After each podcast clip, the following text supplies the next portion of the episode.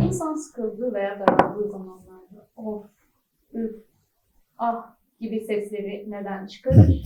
bir soru daha hemen buna eşlik ediyor. Düşünürken neden hmm, aa, gibi sesler çıkartma ihtiyacı duyarız? Tam geçen bunun muhabbeti geçti. Bana şey diyorlardı konuşurken çok ığlamıyorsun falan filan diye böyle. Hocam nasıl beceriyorsunuz bunu işte ne çalıştınız falan filan gibi. Bir arkadaş bir anekdot anlattı onunla ilgili.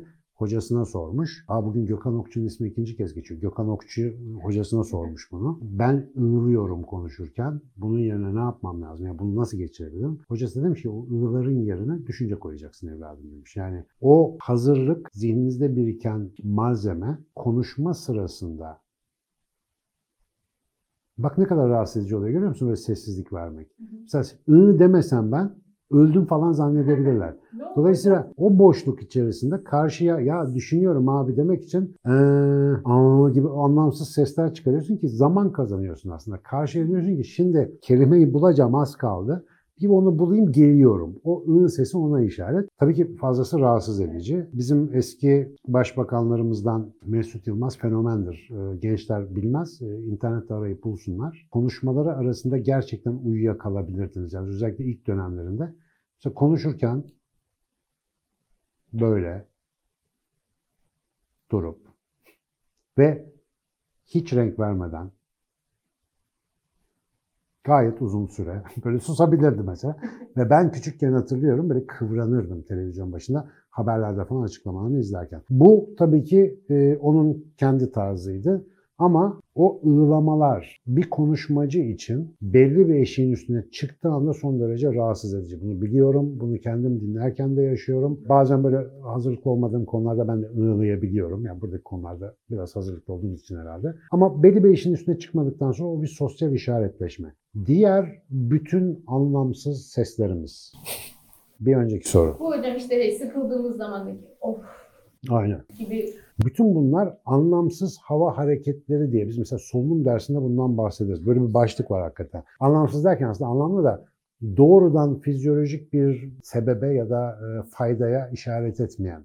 Duşa girdiğimiz zaman falan soğuk duşun altına girecek.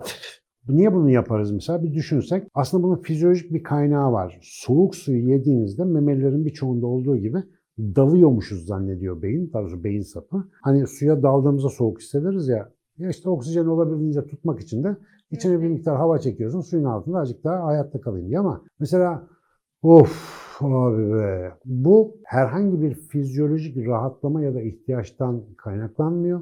Genellikle etrafımızdaki insanları durumumuzdan haberdar etmek için sinyaller. Ağlamak, gülmek, esnemek. Mesela esnemek evet beyni biraz soğutuyor. Yapılan araştırmalar bunu gösteriyor ama esnemenin esas fonksiyonu baba sıkıldık gidelim. Yani burada bizi bilişsel olarak uyaran durumlar azaldı. Dolayısıyla bu ortamı değiştirmemiz lazım. Ya uyumamız lazım ya yaptığımız aktiviteyi değiştirmemiz lazım gibi toplum mesaj.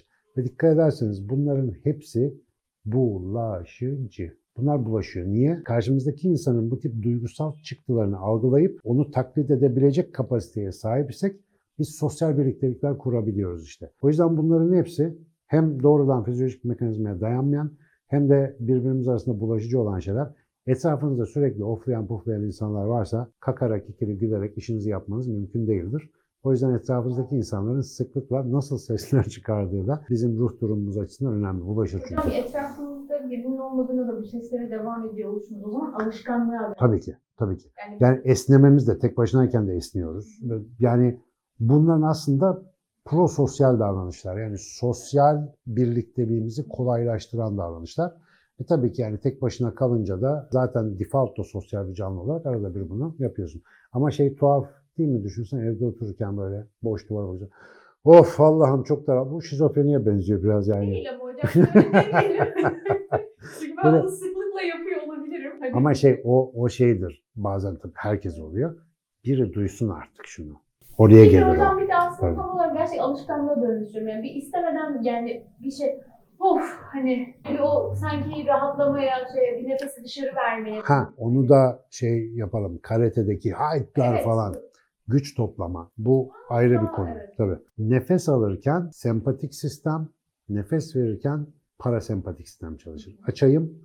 Sempatik sistem bizi heyecanlandıran, nefes verirken çalışan parasempatik de bizi rahatlatan sistemdir. Nefes alışverişlerde çok küçük farklar olur. Her nefes verişte kendimizi çok rahatlamış hissetmeyiz ama sinir sisteminin çalışma modunda hafif kaymalar olur. Bağırmalar, işte efendim nidalarla işte bir takım atraksiyonlar yapmalar özellikle uzak doğu sporlarında falan çok gördüğümüz bir şey. O hızlı nefes hareketleri bizim aynı zamanda sempatik sistemimizi aktive ederek güç toplamamızı da kolaylaştırıyor gibi gözüküyor.